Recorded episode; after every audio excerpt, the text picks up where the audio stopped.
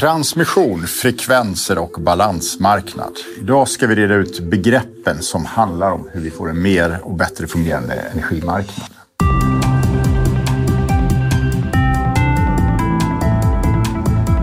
Varmt välkommen till Futura-podden. En podd som Stella Futura står bakom. Vi tror på kunskap och att dela den med varandra. Därför har vi skapat denna podd. Vi kommer att prata energi och omställning och vi kommer att göra det med intressanta och spännande gäster. Vi som kommer att finnas med här är jag, Ulrika Tornerefelt, som är VD och grundare för Stella Futura. Och jag, Per Slingman, som är författare och rådgivare och även eh, rådgivare till Stella Futura ska sägas här. Och jag har det stora nöjet att leda denna podd tillsammans med Ulrika. Och denna gång så eh, har vi med oss eh, Anna Gärdeström som är enhetschef för balansmarknad på Svenska kraftnät. Och vi befinner oss också i Sundbyberg, inte i era lokaler men väldigt mycket i närheten. Varmt välkommen! Tack så mycket! Att vara enhetschef för balansmarknad, vad innebär det?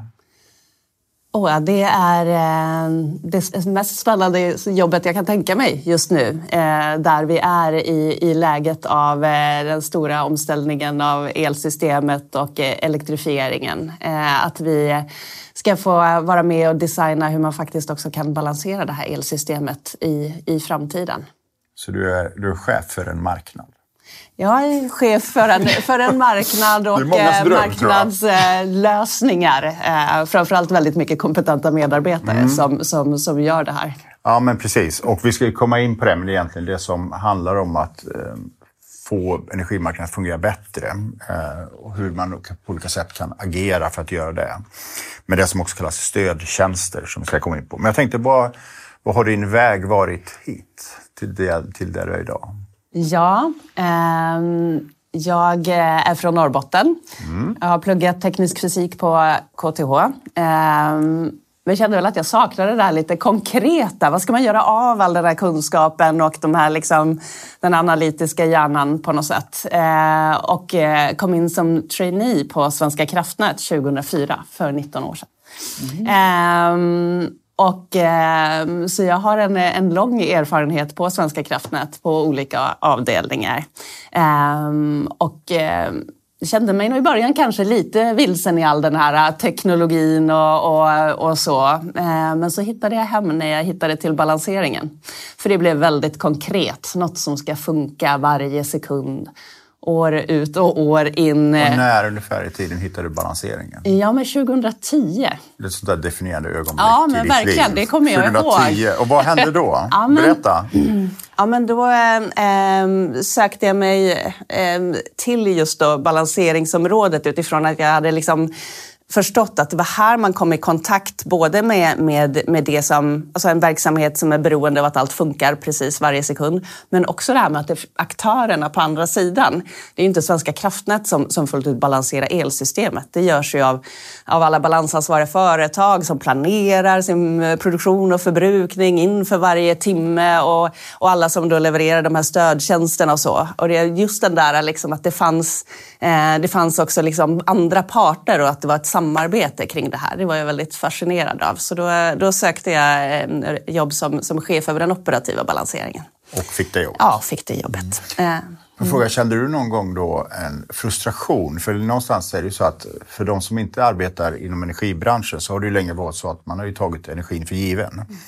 Det fanns ju ett energibolag som till och med hade en reklam som hette Två hål i väggen, som om den bara kom ner från himlen. Mm. Men alltså, du har ju arbetat och arbetar med hela så att säga, systemet bakom. Kände du någon gång någon frustration att, att äh, människor inte ser komplexiteten och tar någonting som är ganska skört ibland för givet? Jag tror att man blev också förvånad eh, av, av, av just det där att, att, det inte, att man inte tänker på det här i, i samhället. Alltså just att, att det faktiskt finns väldigt mycket bakom det här, att vi just tar elen för given. Eh, men att det också borde vara så tydligt, för man märker ju så fort det blir ett strömavbrott eller någonting slutar fungera i hemmet så blir ju alla väldigt frustrerade väldigt snabbt. Ehm, men det fanns inte ett så stort intresse kring att, kring att försöka förstå mer om elsystemet eller prata om elsystemet. Ja, och, eh. och det är väl också den stora, det som eh, man kan säga det här att, att el har ju varit någonting som man de allra flesta inte behövt förhålla sig till utan det är någonting som, som någon annan gör. Medan idag blir det en kritisk fråga för många fler, både för hushåll eh, men också inte minst för verksamheter. Mm. E-handlare, logistikcenter, industrier, vad man än gör så måste man själv ställa sig frågan eh, kring hur man ska hantera den här typen av frågor. Mm. Och vad, om man tänker så här, när du inte jobbar med, tänker balansering, vad, vad tänker du då på din fritid? På min fritid? Du kanske tänker balansering även då? Men, um, ja, men kanske på ett, på ett, momenten när ja, du tänker på något annat. På ett, eh, på ett annat plan då, så, så, så uh, tycker jag ju det är härligt att uh, vara utomhus och vara nära vatten. Uh, så det, det är väl någon sorts liksom, sökande efter liksom, så här, lugn. Sitta och kolla ut över horisonten tycker jag är härligt. och att göra yoga och liksom, fysisk träning. Så. Det är ett, det är ett bra, bra mm. komplement till allt eh, tänkande. Mm. Jag har också kommit på att jag uppskattar sådana här väldigt saker som, som där man kan se att saker blir klara. Stapla ved till mm, exempel. Mm, det är en ny hobby. Eh, det är väldigt härligt. Jo, men absolut. Det, och det är all typ av handarbete växer sig knaka. Jag pratade med någon som eh, erbjuder kurser i drejning. De sa så här, vi kunde ha tre, fyra studios till. De kommer att fyllas direkt. För att jag tror att det är någonting i vår digitala, komplexa, abstrakta tid. Mm. Eh, att man vill tillbaka till det handfasta som ger resultat som är mm. synligt. 2004 så klev du första gången in på, som trainee. Det var 19 år sedan. Om du eh, tänker 19 år framåt, mycket pekar på att du kommer vara kvar. Men tror du att skillnaden mellan hur det såg ut 2004 fram till idag, att förändringen kommer vara minst lika stor de kommande 19 åren? Ja, men det tror jag, fast på ett annat plan. Om man, om man tittar förändringen historiskt. När jag började så var vi drygt 200 anställda. Eh, jag har hört att den här veckan så har vi passerat 1300 anställda på Svenska kraftnät. Det är ju en enorm liksom, resa i att också förstå att det här elsystemet som man kanske trodde var färdigbyggt eller att eh, elförbrukningen inte skulle öka så mycket, att det skulle handla mer om energieffektivisering bara. Att de gamla sanningarna liksom inte finns och att vi har ett helt nytt Eh, en helt ny omvärld och, och framtid att förhålla oss till. Eh, det har ju varit en väldigt stor resa eh, fram till nu. Jag tror att resan framåt, eh, kommande 19 år, den kommer att vara jättestor också. Men, men eh, jag hoppas att det, det kommer att handla om andra saker, till exempel på hur vi kan samverka mer i branschen och liksom i samhället som stort, alltså jobba tillsammans. Eh, och att vi också behöver liksom hitta nya metoder och nya arbetssätt och mer innovation och kanske mer fokus mm. på det. Um, jag tänkte, vi ska inte prata så mycket om energislag och sådär här idag, men om man tänker sig 19 år fram i tiden, tror du att vi kommer få se något total förändring, innovation i energislag, sättet vi producerar och skapar energi? Det finns ju många sådana förhoppningar. Men det är en bra fråga och jag vet inte om jag är den som, som, som är bäst i att, eh, att gissa, att, att gissa i, i det här. Men det finns ingenting det du ser idag som du tänker att det vore väldigt intressant att se 19 år fram i tiden, var vi står då? Ja, men min förhoppning är ju ändå att, att just den här tanken kring flexibilitet ska liksom ändå genomsyra alla energislag, vad det än må vara. Och både liksom, om man tittar produktionssidan men även förbrukningssidan. Eh, att vi inte liksom snör in så mycket på, eh, på att bara titta på, på produktionssidan. Eh, det, det, är väl en, en förhoppning, eh, att det liksom ska genomsyra allt. Eh, både vår användning och vår produktion av el. Att man också hela tiden ska titta på hur, hur kan man göra den anpassningsbar och flexibel och att det både handlar om eh, affärsmässighet och ekonomiska eh, vinster men att det också kan handla om, om liksom säkerhetsperspektiv också. Vad har vi för alternativa sätt att, att göra det här på om någonting blir en bristvara eller om någonting inte finns på plats. På plats då. Um, så det, det är väl en, en förhoppning. Du, ja, men när du säger det, så lagring av energi är en sån här fråga. Jag tänker det andra är också det här med decentralisering av energisystemet. Att mm. Också ur ett mer säkerhetspolitiskt perspektiv. Det är, jag vet att det är många som har eh, pratat om just kriget i Ukraina, att man ändå förmått, eftersom det är ett ganska decentraliserat system, så man har förmått kunna hantera och överleva i samhället på ett sätt som kanske man inte hade gjort om det vore mer centraliserat. Mm. Jag tänkte så här, vi kanske ska zooma in lite grann. Vad är då Svenska kraftnät? Ja, men Svenska kraftnät är ju systemansvarig myndighet för el i Sverige. Ehm, vi ansvarar för den operativa balanseringen, alltså momentant att systemet kan hållas i balans och att det kan ske på ett liksom driftsäkert sätt. Att man eh, får tillgång till den el som man behöver eh, varje sekund. Ehm, vi är också ansvariga för att förvalta och bygga ut transmissionsnätet i Sverige. Mm.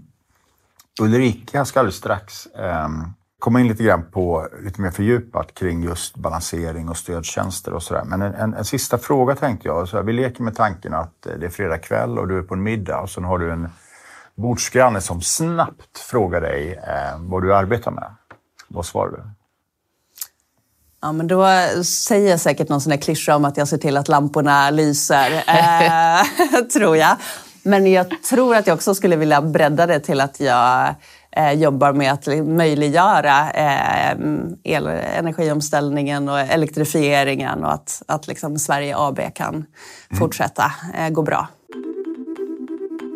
Ska vi gå in på energimarknaden? Ja, nu ska vi bli lite nördiga här mm. tänkte jag. Eh, vi pratar ju om balanstjänster varje dag, men det gör kanske inte våra lyssnare. Och precis som du säger, det är ett jättestort ansvar som Svenska kraftnät har. Ni ansvarar för transmissionsnätet som tidigare kallades för stamnätet. Va? Ja, ja. ja Men det är samma sak. Ja. Och det sprider sig ut i distributionsnäten där vi har regionnät och lokalnät. Och ni är ju ansvariga för balansen i hela rasket kan man säga. Eh, och du gick teknisk fysik sa du, en av de svårare utbildningarna man kan ta sig an Per kan jag säga. Det vet du? Jag, jag har inte gjort det själv. Jag tog kemiteknik istället. Jag tyckte den var lite mer lättillgänglig. Eh, men balans, när vi pratar om det så är det ju frekvens vi pratar om. Och vi ska ju ha 50 Hz i vårt nät för att hela vår infrastruktur ska funka och våra eh, apparater ska fungera och vi inte ska få några strömavbrott. Vad är då 50 Hz kan man undra? Ja, vi har ju elektroner som är energibärare i elnätet. Och de, eftersom vi har växelström så skiftar de håll 50 gånger per sekund. Och det räcker om de skiftar håll bara 49 gånger per sekund eller 51 gånger per sekund så blir det kaos i vårt elnät. Så att du kan ju förstå Per vilket ansvar det är som vilar här på Annas axlar. På Annas axlar, ja precis. Det är de här elektronerna som vi måste hålla reda på. Eh, och det här var ju inget problem när vi eh, vilade på kärnkraft och vattenkraft. För i kärnkraft och vattenkraft har vi turbindrift. Och vi har tidigare dragit parallellen, när man cyklar med en cykel i nedförsbacke och man slutar trampa så fortsätter ju tramporna att trampa och man upprätthåller en hastighet. Det är det som händer kan man säga förenklat i, i vattenkraft och kärnkraft. Det blir ju inte så riktigt när vi slänger in vind och sol i energimixen och då uppstår de här balanseringsproblemen. Svenska kraftnät är ytterst ansvariga som sagt för den här balanseringen. Men som du nämnde så finns det ju fler aktörer i det här landskapet som hjälper till att få det att funka. Det är ett ganska komplext ekosystem. Kan du beskriva lite vilka olika roller som finns på den här balansmarknaden för att få det här att funka på ett mm. bra sätt? Jag ska börja med att säga också att, att eh, det var väldigt härligt att höra dig prata om elektroner tycker jag. Ja, det pratas för lite ja, om det tycker jag. Ja, det var fint. Um, och sen så ska jag säga att just balanseringen är ju, är ju komplex för den har ju väldigt många olika tidshorisonter. En del av balanseringen är ju liksom att få, få energin att räcka till över tid. Och vi har liksom den snabba balanseringen som handlar om att det inte alltid är exakt balans. Um, och den, den uppstår även i ett system där vi bara har vattenkraft och, och, och, och eh, kärnkraft också. Det blir obalanser mellan vad som förbrukas och produceras och då behöver vi reserver. Eh, sen, eh, sen så kan det då, just det här med att man liksom tappar det här med de roterande maskinerna eh, i ett system där man kanske har andra kraftslag. Det har mer att göra med också hur beständig man är mot fel. Alltså om det blir en störning och så, att man kan ha mindre rotationsenergi. Och det är egentligen kanske inte helt och hållet liksom balanseringsprocessen, men mer den liksom fine-tune, liksom, eh, eh, trögheten i systemet. Eh, men vi kommer att komma in på det gissar jag på med, med alla de här eh, olika produkterna och så. Eh, men de olika rollerna frågar efter jag. Eh, och jag nämnde ju de här balansansvariga företagen som, eh, som har ett, eh, ett jobb att göra i att eh, planera att det finns då tillräckligt med, med produktion eller att de då eh, handlar med andra företag för att eh, säkerställa att den förbrukning som de är ansvarig för, att deras då behov kan täckas varje timme. Och vilken typ av företag är det?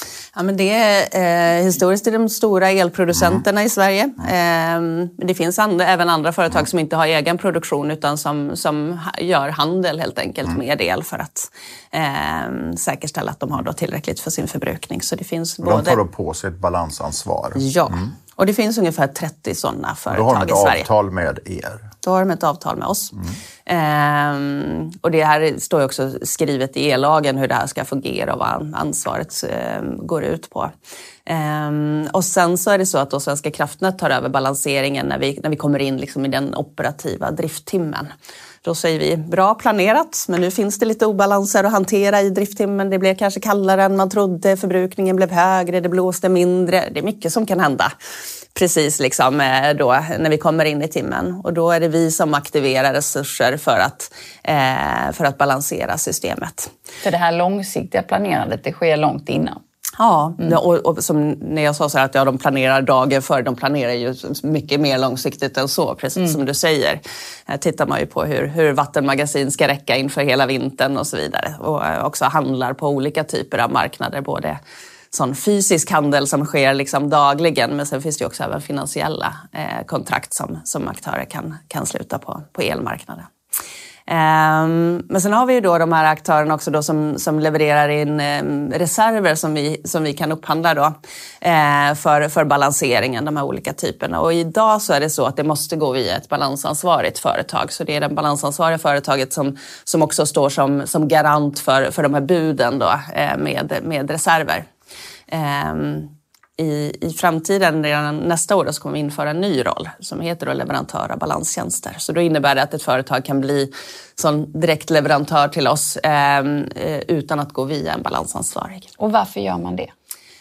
Ja, det gör man för att, för att vi tror att det finns en hel del mer flexibilitet ute där men som, som, eh, som kanske inte kommer in på marknaden därför att man just behöver flera led eh, och att det finns mycket innovation och, eh, som, som, som vi kan släppa fri om vi får eh, får en roll som innebär då också ett, ett mer avgränsat ansvar. Man ansvarar för att leverera reserven och säkerställa att det man har sagt att man ska leverera finns där men man har inte hela det här balansansvaret som är en väldigt stor, eh, ett stort ansvar. Mm.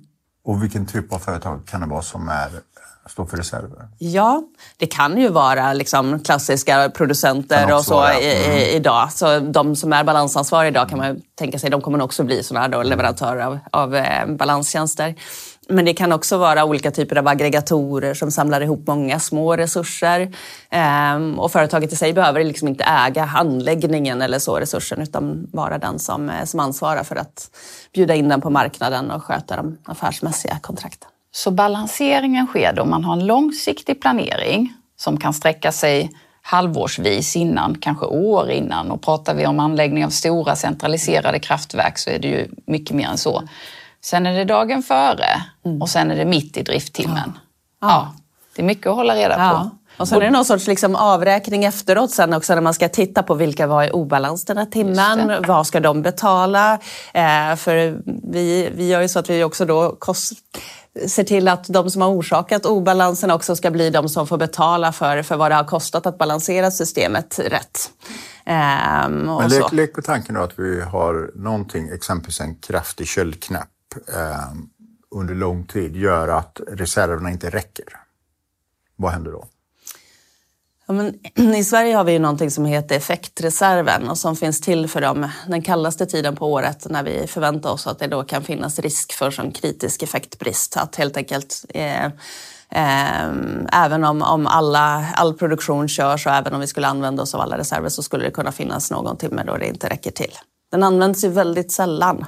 Eh, men den finns ju till för, för de eh, tillfällena. Eh, så det är våran liksom, Och i vilken livlina. fas är det så att man sätter igång kraftvärmeverk eller börjar mm. importera? Eh, om man börjar importera kan, kan ske, man gör ju planeringen både, vad ska jag säga, några dagar framåt i alla fall och titta på hur det ser ut med prognosen och sånt. Ser det ut som att det ska bli, bara för att det blir kallt behöver det ju inte bli effektbrist. Det kan ju vara så att om all vår produktionsflotta kör i Sverige och det är inga problem med den så är det inget problem att täcka en, en kall vinterdag så länge man vet om det.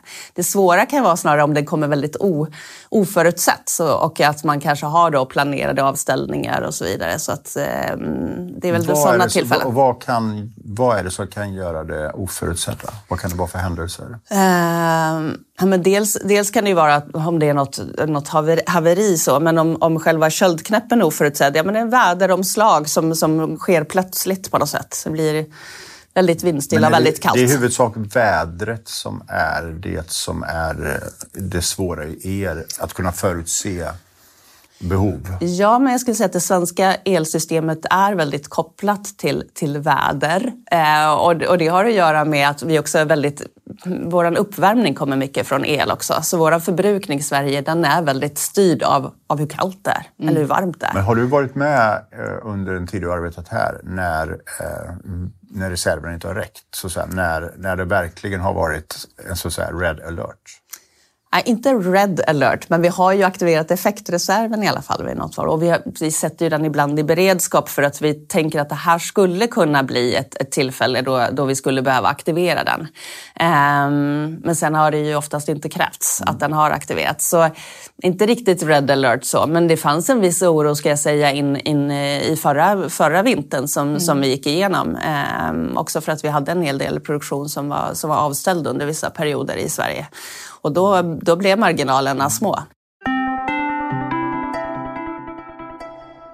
Det som är rimligt att tänka de kommande säger vi, tre till fem åren, det är ju att framförallt transportsektorn kommer att kräva mycket mer energi.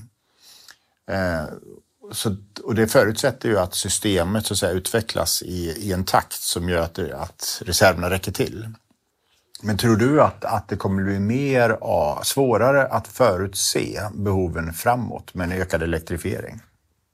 Men både och, för jag tänker att det också sker en enorm teknikutveckling och också en väldigt stor digitalisering i samhället, vilket gör att vi också får mer och mer information. Jag tänker att mycket av den, hur man balanserade systemet för, för ett antal år sedan var att liksom, eh, sitta och försöka gissa hur förbrukningen skulle se ut och, och liksom räkna på att ja, men vid så här många grader kallare så blir det så här mycket mer och man hade liksom mycket historisk data. Jag tror att, jag tror att vi i, i takt med, med teknikutvecklingen kommer att få mycket mer information i realtid och faktiskt veta hur, hur läget ser ut och kanske inte behöver ta till lika stora marginaler för att vi inte vet. Eh, så jag tror nog inte att det blir svårare att förutse. Och jag skulle också säga att det finns en väldigt stor potential i hela transportsektorn också i att faktiskt mycket av laddningen kan vara med och agera som reserv också. Ehm, så att jag tror, mm. jag tror, på, tror på att det ehm, snarare kan vara en möjliggörare. Och om man tittar på det här prognos och, och eh, analysarbetet som väl har intensifierats ganska mycket för er på grund av den här omställningen. Eh, hur har det påverkat er som organisation, Svenska kraftnät? Ja. Jag tänker på digitalisering. Mm. Mm. Ja, men vi, vi har en, en ganska lång resa att, att gå fortsatt skulle jag säga. Det finns väldigt mycket områden som, som kommer att kräva stor, stor digitalisering i, i, i vårt uppdrag. Alltså allt från eh, hur man kan liksom eh, smartare för, liksom eh, förvalta och förstå var nätet behöver underhållas precis just nu istället för att ha de här liksom cykliska processerna och kunna hitta liksom, eh, potentiella fel som, som, som kan uppstå och åtgärda dem innan. Men sen även då i balanseringen där mycket har gjorts vi säger manuellt, det betyder inte att, att, att, det, att det var helt manuellt men, men där ändå har varit mycket beslutsprocesser som har fattats liksom av enskilda operatörer och man har behövt titta i många olika system och bilda sig en uppfattning och sen kanske man också har behövt ringa med telefonen.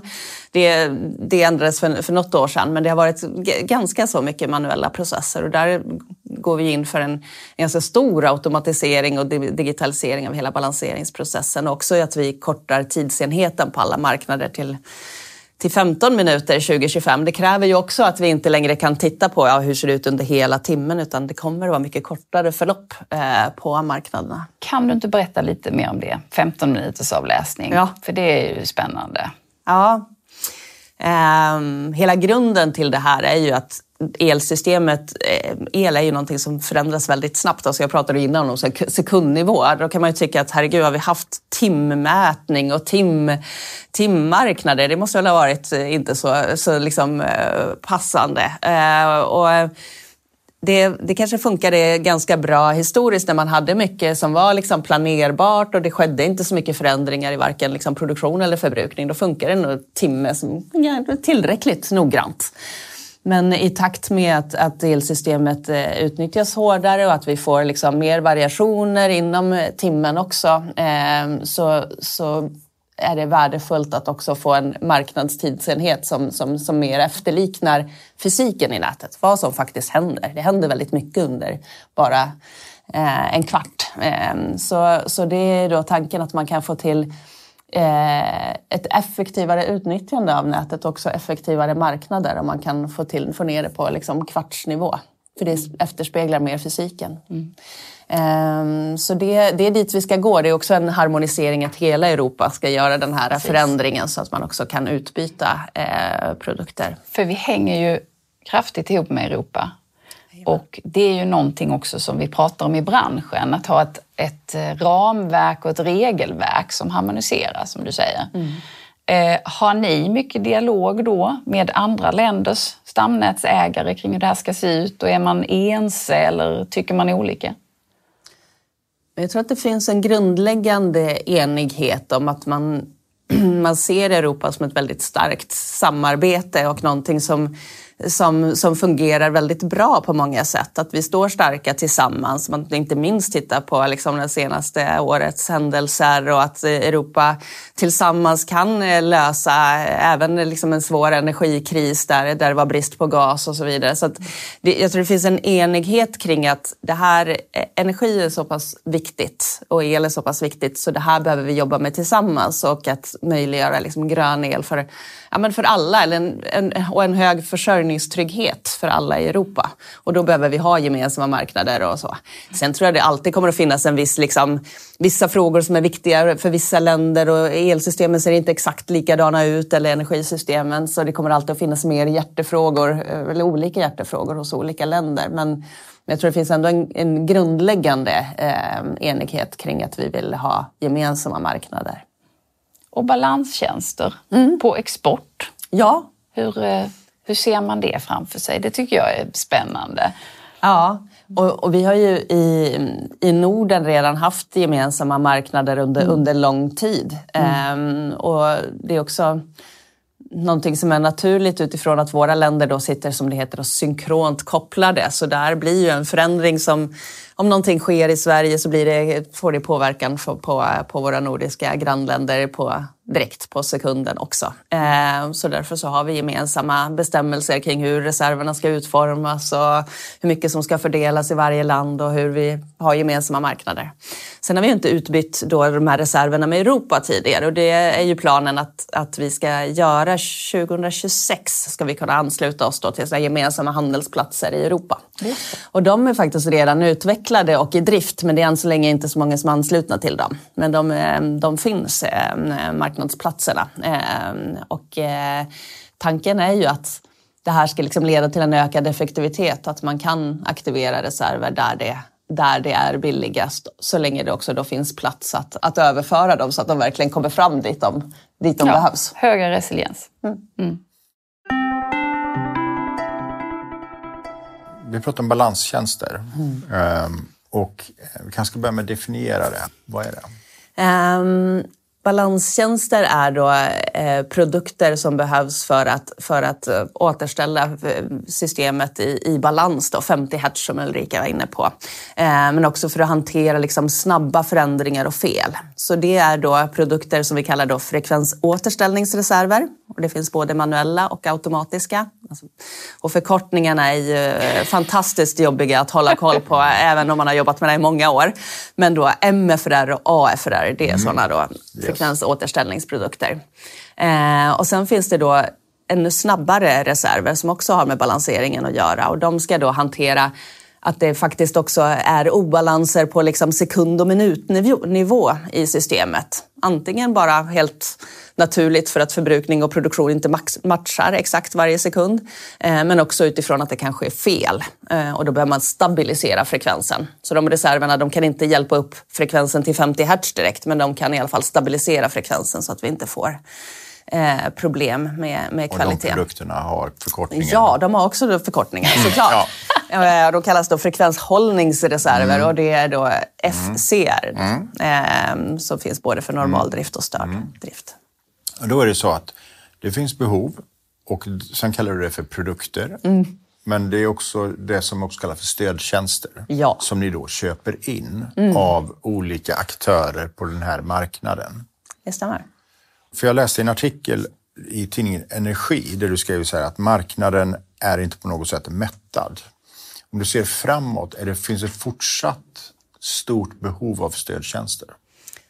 Ja, men det gör det. Och jag ska säga att det har det alltid gjort. Sen har de här marknadslösningarna sett, sett olika ut och de här produkterna haft olika namn och eh, kanske inte varit så många eh, som de är idag. Men själva behovet av att kunna liksom balansera systemet, det har alltid funnits.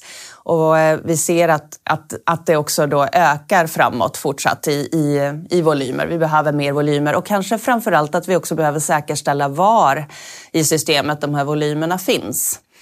Historiskt har man eh, liksom lite, lite lyxigt sådär kunnat titta liksom på Sverigenivå och säga men vi behöver så här många hundra megawatt av någonting.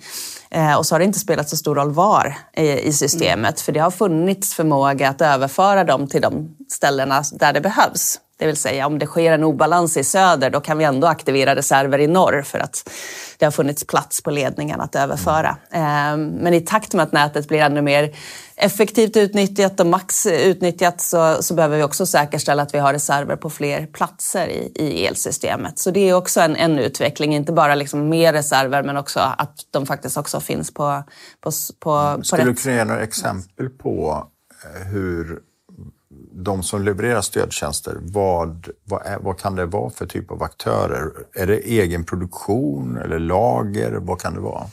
Ja, men som jag sa tidigare där så behöver man ju då vara balansansvarig för att kunna vara motparten till oss. Så det är egentligen bara de balansansvariga vi har avtal med, eh, även när det kopplar till de här eh, reserverna idag. Men det kan vara olika. Det kan vara producenter, så det kan vara vattenkraft som deltar på de marknaderna. Det kan vara batterier, det kan vara vindkraft och det kan vara solkraft. Allt, jag skulle egentligen säga att det finns, ingen, det finns inget, ingenting som säger att det måste vara en viss typ av teknologi. Utan vi ställer liksom krav på en förmåga. Det kan vara en industri också som reglerar sin förbrukning. Och sker det upphandlingar eller hur fungerar det här systemet? Säg att, säg att någon eh, kommer och säger så att jag eh, vill sälja balanstjänst, eller stödtjänster till er. Hur gör man då? Och vet du vad, det är väldigt många gånger det kommer just folk och bara, jag, jag har... Jag bara ringer in till växel, ja. jag har lite stödtjänster. Ja, ja. det är en allt mer vanlig fråga. Precis, och därför lyfter vi frågan ja. en gång för alla. Vart ska man ringa om man har en litet batteri? Mobilnumret. Ja. Um, ja, men det, det, det, första svaret är väl just det här, du tar reda på vem som är din elleverantör mm. och då din balansansvarig och så, mm. så prata med dem.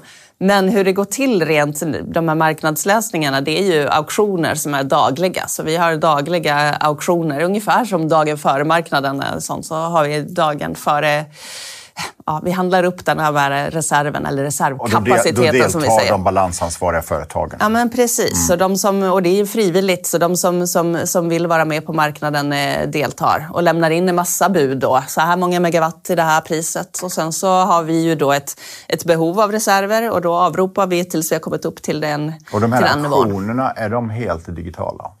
Ja, det är det. Mm, det är inte som en fiskaktion? Nej, nej, nej, nej, det är det inte. Utan, men det är helt ja. digitalt. Men, mm. men det man kan säga också är att är, ni är också som en marknadsplats. Mm. mm som Ja, men just det. Så, så just när det gäller ja. balansmarknaden så är det faktiskt vi som liksom opererar hela, hela marknaden och vi är också den liksom single buyer på den marknaden. Så där har vi liksom en, ett väldigt stort ansvar eh, att se till att de här marknaderna fungerar väl och att vi är transparenta med, med vad, vad vi ska handla och när. Eh, medan om man tittar på, på de andra marknaderna, så den finansiella marknaden och dagen före-marknaden, så är det inte vi som själva opererar de marknaderna utan då finns det ju börser som, som har hand om dem. Om någon ringer och säger så här att hej, jag vill bli ett balansansvarigt mm. företag. Vad, ja.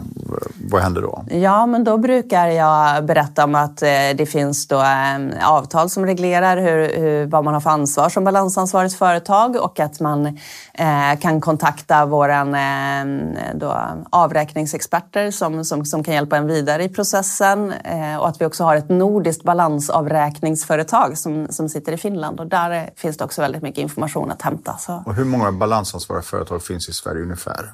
Ungefär ett 30-tal. 30-tal, mm. Mm. Och om vi då, jag och Per, skulle starta det 31 ja. balansansvariga mm. företaget och kvalificera oss så att vi får bli balansansvariga mm. och budar in på den här aktionen. Och sen är det ju teknik vi pratar om. Mm. Så helt plötsligt så kan inte vi leverera det vi har budat in. Mm. Vad händer då? Ja, då, då ska ni höra av er till, till oss och till vårt kontroll. Då, då ringer ni och säger nu har, vi, nu har vi problem här. Och då noterar vi att, att det vi har köpt inte kommer att finnas tillgängligt. Nej. Och om eh, möjligt så försöker vi handla upp andra resurser. Eh, det beror på lite när man får reda på det här också. Om ni vet om det redan eh, en halv dag innan eller om ni vet om det precis när ni ska leverera. leverera ja. eh, om vi kan ersätta det med någonting annat. Eh, ofta så är det kanske inte så att just en specifik aktör har en sån väldigt stor, alltså att det är väldigt mycket volym som försvinner utan det kanske handlar om om några megawatt just då som inte, som inte kan eh, leverera. Då får man eh, göra det som vi kallar ett återköp. Eller man, för vi, ni har ju fått en ersättning dagen före redan då kanske för att ni skulle vara tillgängliga och så var ni inte det. Så då får ni eh, betala tillbaka eh, den ersättningen. Men det här kan man inte göra så många gånger va? Alltså man måste vara väldigt nogsam med, med vad man erbjuder. Jag tycker det är fint att du säger det, att det här är liksom en viktig... Eh, viktig ja, det här är inte liksom vad som, vad som helst som man ska leverera. Fiskaktion. Eh, ja, men det finns egentligen ingenting som, som, som i dagsläget reglerar hur många gånger men däremot så följer vi upp liksom leveranserna och, och, kvaliteten på leveranserna också. Så inte bara när man har hört av sig och säger att det funkade inte utan eh, vi begär in data och vissa saker kollar vi också kontinuerligt att vi faktiskt får det som, som vi har kravställt. Mm. Eh, och man behöver ju också göra sådana här teknisk förkvalificering av sin anläggning eller sina resurser för att få, få delta. Och då stämmer vi av hur det ser ut med liksom den tekniska förmågan. Och så. Mm. Så det, men det är väldigt viktigt för oss just det här med säkerställandet av, för vi är ju ytterst ansvariga också för, för den här balanseringen i realtid och att säkerställa Precis. att de här reserverna finns då tillgängliga. För, har du någon överblick? Vi pratar här om 30 balansansvariga företag. De i sin tur har ju avtal mm. eh, med aktörer som mm. bidrar med reserv. Mm. Hur många kan det vara? Hur många finns i systemet ungefär? Det är en jättebra fråga. Men pratar vi ska... tusentals? Nej, det tror jag inte. Nej. Nej men då, då, då, då är kanske min gissning att det kanske är totalt mellan 20 30 då, eh, företag egentligen som, som, som totalt. Så det är inte totalt, jättemånga. Det är inte så många, nej. nej. Men märker du ett Du sa så här, folk ringer in. Finns det ett ökat intresse Ja, men det gör det absolut. Mm. Så, så jag tror ju att när vi, när vi när vi inför den här rollen då leverantör av balanstjänster som gör att man inte behöver gå via, då är det möjligt att det där kommer att öka snabbt. Ehm, men, ehm, men i dagsläget så, så, tror jag inte, för det är också så att det är inte alla balansansvariga som levererar reserver idag. Så det finns ett 30-tal balansansvariga, men, men det är väl ungefär ett eh, 10-15-tal som är aktiva på de här marknaderna för reserver. Skulle du vilja att det vore fler som var med? Ja, men det skulle jag absolut vilja. Jag skulle vilja både att det är många fler aktörer, för det är bra utifrån ett liksom konkurrensperspektiv, men, men också att det är, är, är mer volymer på marknaderna, eh, så att det faktiskt tillkommer fler, fler resurser. Mm. Kanske det allra viktigaste. Mm.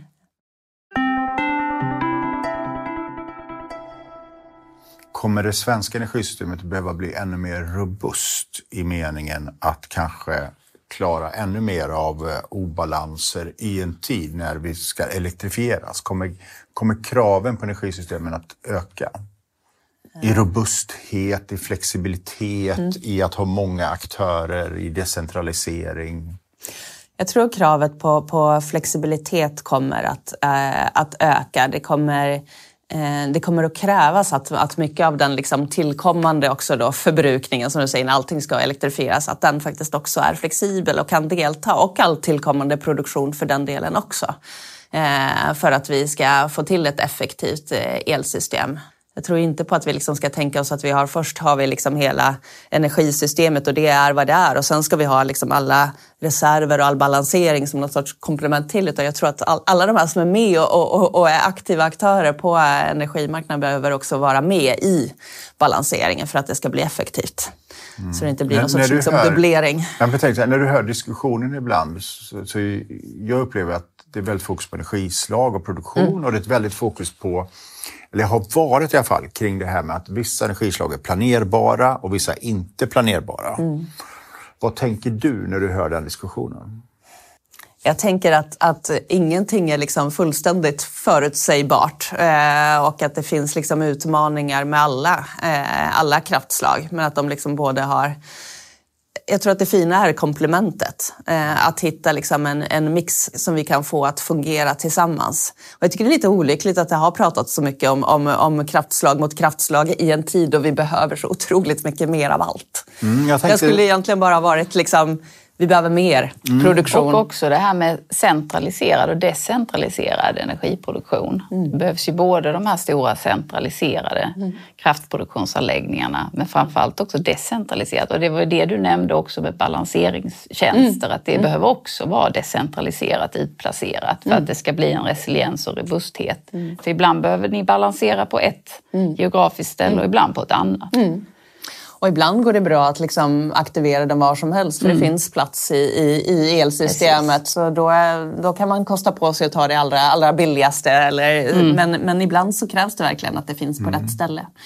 Men jag tänker så här, vi, vi, i den här podden så, så kommer vi också ta upp en fakta i varje avsnitt. Just med idén att faktiskt också dela och sprida kunskap. Och, och, och om man tittar på fakta då som handlar om vår energimix så är det från 2022 de sista siffrorna och den visar att ungefär 19 procent av svensk elproduktion då, vindkraft, 41 procent vattenkraft, 29 procent kärnkraft, 10 procent icke förnybart och 1 procent solkraft. Om du tittar på mixen framåt utifrån ditt perspektiv, vad, hur skulle du vilja se att den utvecklas? Utifrån perspektivet ja. balans, flexibilitet, funktionssätt om vi inte tittar på produktion. Driftsäkerhet. Ja. ja. ja. Det är, ju, det är ju den här frågan som vi alla sitter och klurar på. Hur ska det se ut i, i framtiden? Det du gör i ditt uppdrag, att du förhåller dig till den produktion som är och sen ser du till att det fungerar och balanseras. Ja, mm. men samtidigt så tänker jag att vi också behöver att få det, vi behöver också vara tydliga med liksom kravställningen från vårat håll och där tror jag vi har liksom en, en ökad förväntan på oss att vara tydliga och säga ändå, det här behöver vi. Eh, vi behöver att eh, att man deltar på marknaderna för, för balansering, att vindkraften också är med och, och bidrar där med, med flexibilitet som den kan göra. Eh, och, och, även industrin och så. Så det, där tror jag att vi behöver vara tydliga med vad som behövs i systemet. Ehm, men ska vi möta en fördubblad förbrukning så, så, så kommer vi att behöva otroligt mycket mer produktion av, ja. av, av alla dess slag, ja, tror jag. Och det som, det som kommer att byggas kortsiktigt är ju fortsatt mycket vindkraft. Eh, om man tittar på det kortsiktiga perspektivet. Absolut. Tittar man på det så borde det vara vindkraft och sol mm. eh, som kommer att där vi kommer att se att relationerna kommer förändras på mm. den korta sikten. Mm. Eh, och sen är det mycket mer en politisk mm. fråga var, hur mycket kärnkraften står för och kanske hur mycket mer effekt man kan få ut av vattenkraften. Mm. Precis, men allt behövs. Ja, verkligen. Verkligen. När det gäller balansmarknaden, balanstjänster, stödtjänster, är det någonting som du känner att vi inte har täckt och du vill tillägga? Jag, jag, tycker ibland det är häftigt när man liksom blickar tillbaka så, så, så vet jag att jag under de här första åren, även om jag sa att jag hade hittat hem till balanseringen och det var väldigt spännande, så hände det ju inte jättemycket inom det området de där första åren. Det var mer att, det var liksom att jag kände den här pulsen av att det var något så himla viktigt. Ehm, men då var det ju liksom vattenkraften som, som stod för i princip alla våra reserver i, i, i det nordiska systemet. Det var liksom vattenkraften som var med på alla de här marknaderna. Och, eh, det kändes som att så, här, så kommer det nog vara. Och sen minns jag när det började pratas om så här, ja, i framtiden kanske det till och med kan vara elbilsladdare och kanske batterier och så. Och då kändes det så futuristiskt. Liksom. Mm. Eh, och det säger väl någonting om att jag är gammal nu också. Men, men, men, men jag tycker det är häftigt att få vara i den världen nu ändå där det händer. Mm. Att det inte bara är så där tror vi att det kommer att bli, utan att vi faktiskt ser det. De finns med på alla marknader, det funkar. Eh, och det tycker jag det är något väldigt tillfredsställande i det där, att liksom på något sätt få vara mitt i det där nu och att vi behöver bli bättre på att också säga det som, ja, det som funkar och finns här och nu och att det behövs mer av det. Mm. Jag tycker det är fantastiskt. Det är ju så att du, du säger att du liksom hittade balanseringen och man, nu ser ju inte lyssnarna det här, men man ser ju att du verkligen tycker att det är intressant och spännande. Hur tycker du att Känns det som att människor, eh, unga människor när de väljer väg i livet och utbildning, att de förstår vilken fantastisk möjlighet energisektorn är? Eller behövs det, liksom, behövs det mer kompetens? Är det en brist idag? Ja, men det är en brist och vi behöver mer kompetens in i branschen. Och nu växer liksom hela branschen och det sker så mycket spännande så det är en otrolig konkurrens kring de här eh, unga, duktiga, nyexade. Eh, så, så, så vi kan nog säkert göra ännu mer för att marknadsföra det. Men jag skulle också säga att jag tror att de har fått upp ögonen för energibranschen. Det var ingen het bransch när jag eh, gick klart min utbildning. Nej. Det var inte så att man liksom tänkte att där kommer det att hända saker. Det, det är en spännande bransch. Det tror jag, det tror jag väldigt Nej. få sa. Det var inte så för mig heller. Mm. Men, eh, men det har ju verkligen mm. förändrats. Så jag tror också att många unga, man märker att det finns också en, en en, en, insikt om hur viktigt det här är för samhället. Att det är någonting man vill göra för man vill bidra till att vi kan nå klimatmål. Man vill bidra till, till någonting som är så liksom viktigt för tryggheten och liksom hela, hela samhällsfunktion. Så det, det märker jag hos, hos många unga, att, att de, den drivkraften finns eh, i högre grad. Känner du ett ansvar också för att eh, faktiskt inspirera unga?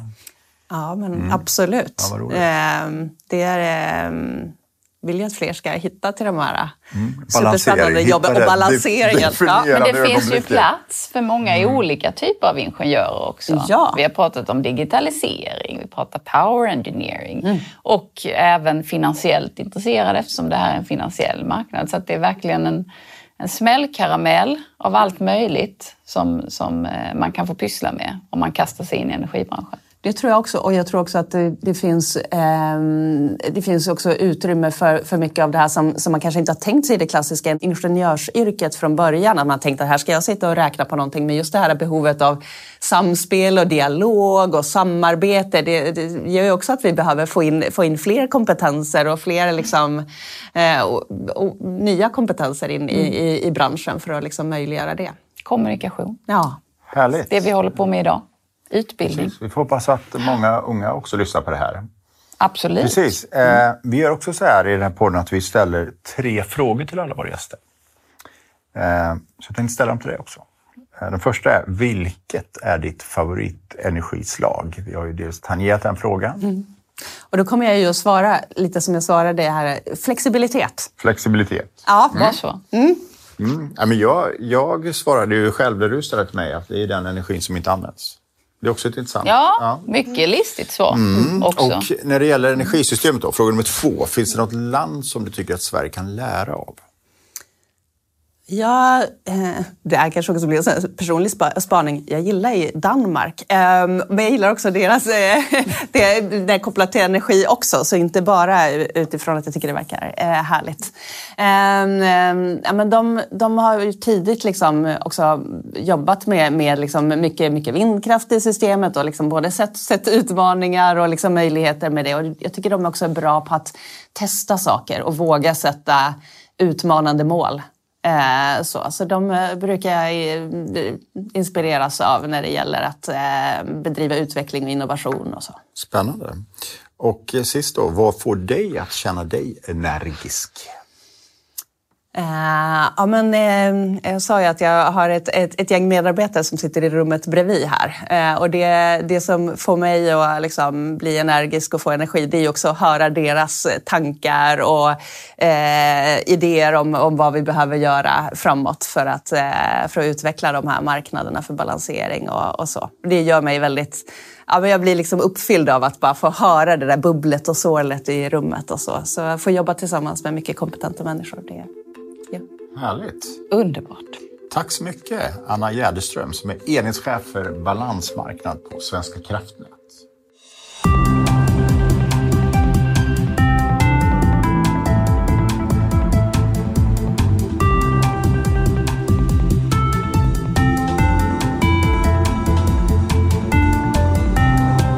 Ni har lyssnat på det fjärde avsnittet av Futurapodden, en podd som Stella Futura står bakom.